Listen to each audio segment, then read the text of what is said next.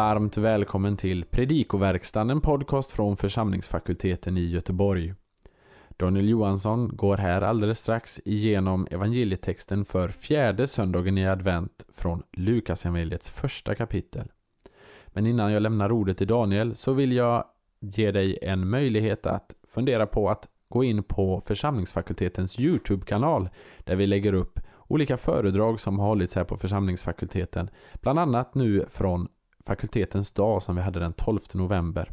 Om du inte hade möjlighet att närvara eller om du kanske vill höra föredraget igen om du var här så gå in på församlingsfakultetens Youtube-kanal så kan du få lyssna på dem igen. Eller för första gången. Men nu en genomgång av evangelietexten för fjärde söndagen i advent. Tänd i förberedelse fjärde ljuset i adventsljusstaken och ta fram din bibel så önskar vi dig en god lyssning. Tredje årgångens evangelium för fjärde söndagen i advent är Lukas 1, 39-45. Det handlar om Maria som besöker sin släkting Elisabet. Vi inleder med att tala om eh, lite språkliga aspekter och börjar i vers 39. Den här versen inleds med ett particip, anastasa, efter att ha stått upp och sedan följer strax huvudverbet eporevthe, hon gick och så orden metaspodes med hast. Det här är förmodligen en semitisk konstruktion i vilken det hebreiska verbet kom, stå upp, används närmast som ett hjälpverb. Många gånger i Gamla Testamentet ger kom en viss skyndsamhet till huvudverbet. Det kan vara fallet också här, i synnerhet som Lukas säger att detta skedde med hast. Folkbibeln översätter så och utelämna stå upp. Alternativet är att Anastasa markerar att en resa påbörjas. Så översätter Bibel 2000. En ordagrann översättning av grekiskan lyder I de dagarna stod Maria upp och gick med hast till bergsbygden till en stad i Juda. Vers 41 innehåller tre saker som visar att det som beskrivs här är av särskild vikt i händelseutvecklingen. Versen inleds med Kai egeneto och det hände. Här och på många andra ställen hos Lukas följs det av ett finit verb istället för en infinitiv. Det är en användning som är vanlig i Septuaginta och Lukas är sannolikt påverkad av den grekiska översättningen av Gamla Testamentet. När Lukas kombinerar geneto med ett huvudverb som här brukar detta senare verb uttrycka den speciella omständigheten för det som nu ska berättas. Att barnet hoppar till i Elisabets moderliv framhävs på detta sätt som bakgrunden till Elisabets utrop. Vidare markerar Lukas vikten av det som nu sker genom att upprepa namnet Elisabet i vers 41 istället för att använda pronomen. Namnet Elisabet står ju i slutet av vers 40 så upprepningen är överflödig. Och för det tredje upprepar Lukas hälsningen. Det får den retoriska effekten att skeendet liksom saktar ner innan det viktiga att barnet hoppar till ska berättas. Tobrefos eh, eh, används om barn både före och efter deras födelse. Vilket torde innebära att även det ofödda barnet är människa helt och fullt. Av de åtta gånger Brefos används i Nya Testamentet finns sex stycken i Lukas och Apostlagärningarna. Lukas 1, 41, 44, 2, 12, 2, 16, 18, 15 och Apostlagärningarna 7.19. Verbet anafoneo i vers 42 används bara här i hela Nya Testamentet. Det är alltså en hapax legomenon. I Lukas används det bara om eh, liturgi, eh, förlåt inte i Lukas men i Septuaginta används det bara om liturgiska ceremonier. Eh, som i första krönikeboken 1528 och 1642 och Andra krönikeboken 5.13. Det har därför föreslagits att det bör översättas med intonera och hon intonerade med hög röst och sade. Elisabet kallas, eh, kallar Maria för både välsignad i vers 42 och salig i vers 45. På grekiska evlogemenos respektive makarios. I det första fallet handlade det om ett particip och i det senare om ett adjektiv. De här grekiska orden motsvarar hebreiskans baruch respektive ashrei. Orden är synonymer men används olika. Participet välsignad kan användas om både Gud och människor. Adjektivet salig används bara om människor. Välsignelsen riktas mot Gud. När den används om människor innebär det att Guds välsignelse nedkallas över dessa. Adjektivet salig uttrycker ofta den eskatologiska glädjen och att den har kommit. Noterar att satserna med evlegomenos respektive makarios eh, vanligen saknar verb. Verbet vara är underförstått. I satsen evlegomene sy en gynaixin kai evlegomenos hokarpos tes kolias so kan kai förstås på två sätt. Antingen fungerar kai som en vanlig samordnande konjunktion. Både Maria och barnet hon bär välsignas. Men kai kan också vara exegetiskt. Det innebär att det andra ledet förklara det första. Välsignad är du bland kvinnor, det vill säga välsignad är din livsfrukt. Frasen en gynaixin kan förstås som komparativ och superlativ.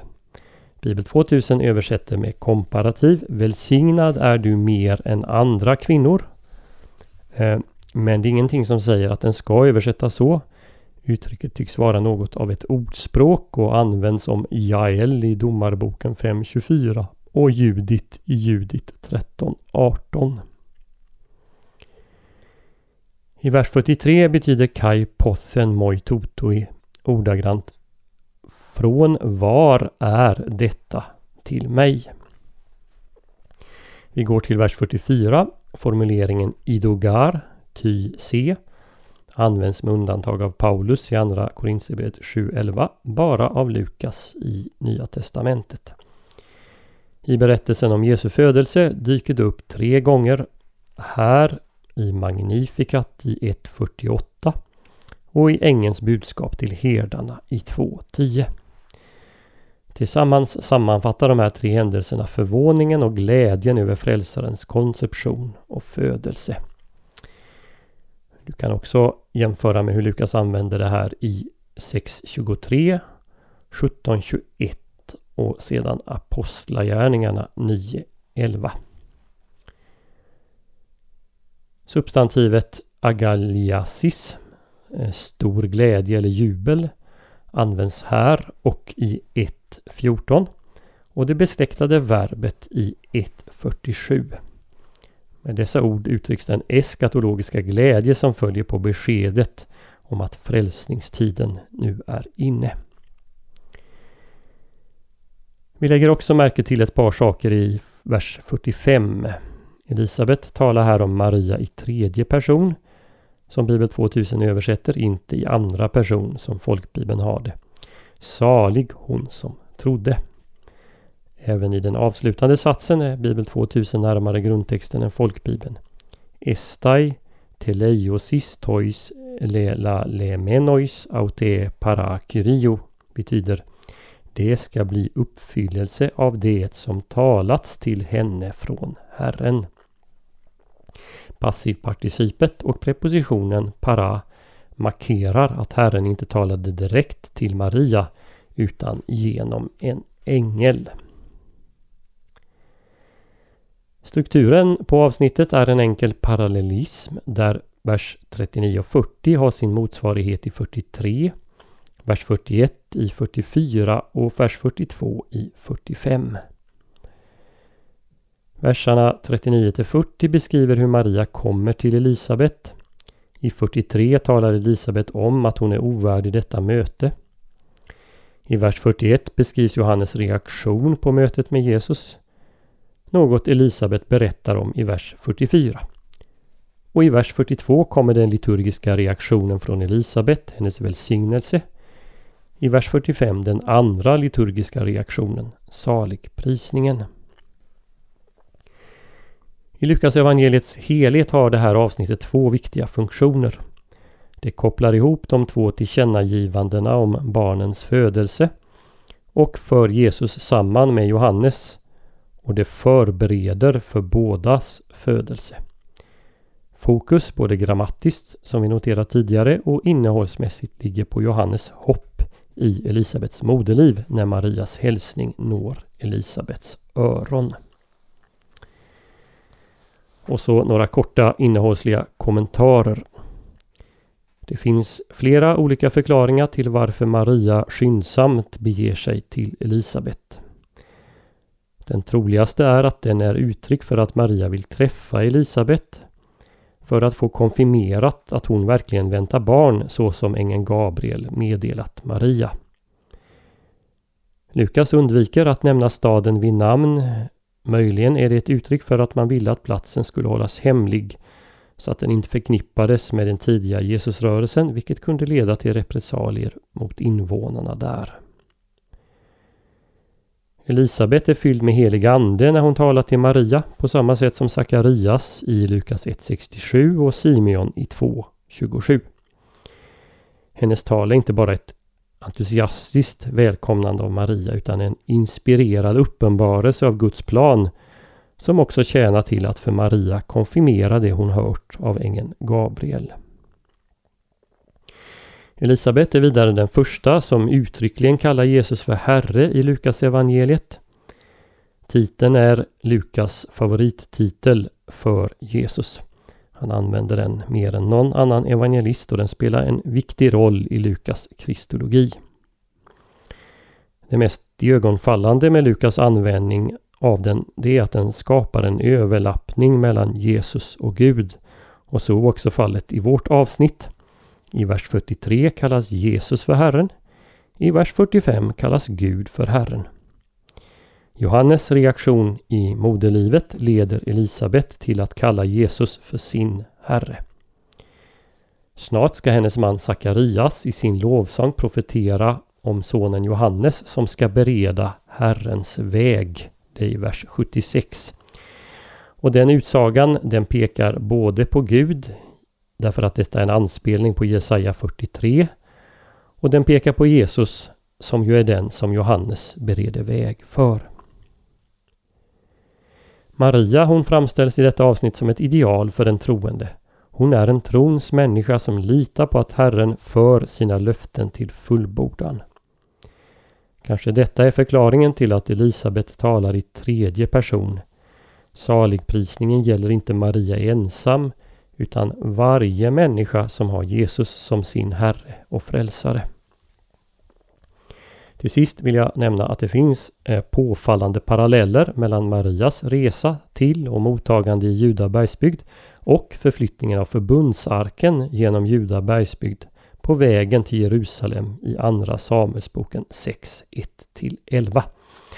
De här eh, parallellisten, parallellerna, de har jag skrivit ner i den handout som finns på vår hemsida under fliken Predikoverkstan. Där finns som alltid den grekiska texten tillsammans med en del anteckningar. Vi hoppas att denna genomgång får bli till hjälp och välsignelse för dig som har lyssnat. På vår hemsida www.ffg.se kan du hitta information om hur du kan stödja fakultetens arbete, som till exempel den här podcasten. Ett sätt att stödja är att skänka en gåva genom Swish Församlingsfakultetens swishnummer är 123 100 84 57. Alltså 123 100 84 57. Mottagaren som anges är Peter Isak Bens utbildningsstiftelse. Märk gärna gåvan FFG Podcast om du vill stötta just denna podden. Så önskar vi allt gott och Guds välsignelse.